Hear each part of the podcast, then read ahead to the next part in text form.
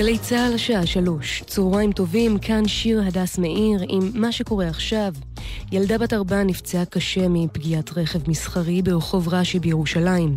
היא פונתה במצב לא יציב לבית החולים עם חבלת ראש. כתבתנו מיכל צ'ין מוסרת שנהג הרכב עוכב על ידי המשטרה, שפתחה בחקירת האירוע.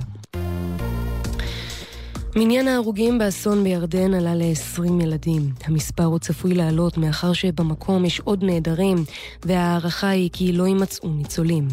כתבנו ג'קי חוגי מוסיף כי עבדאללה מלך ירדן ביטל את ביקורו המתוכנן בממלכת בחריין כדי לפקח על פעולות החילוץ.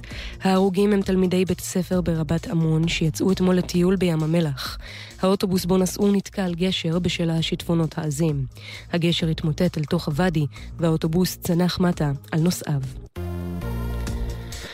שר הביטחון אביגדור ליברמן הודיע, סגן הרמטכ"ל האלוף אביב כוכבי ימונה לרמטכ"ל ה-22 של צה"ל. כתבנו הצבאי צחי דבוש מוסר כי הוועדה למינויים בכירים תדון במינוי כוכבי ביום ראשון הקרוב, וכי היא צפויה לאשר את מינויו.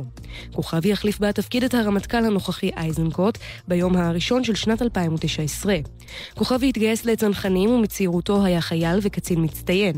הוא כיהן בין היתר כמפקד החטיבה, מפקד אוגדת עזה, ראש אגף המודיעין ומפקד פיקוד הצפון. מאז הכרזת שר הביטחון חלפו כבר יותר מארבע שעות, וראש הממשלה נתניהו, שרצה את האלוף זמיר בתפקיד, עדיין לא פרסם הודעה בנושא. בלון תבערה הותר במועצה המקומית בגבעת זאב שליד ירושלים. שוטרים וחבלנים שהגיעו בדקו את החפץ החשוד ואספו את הממצאים.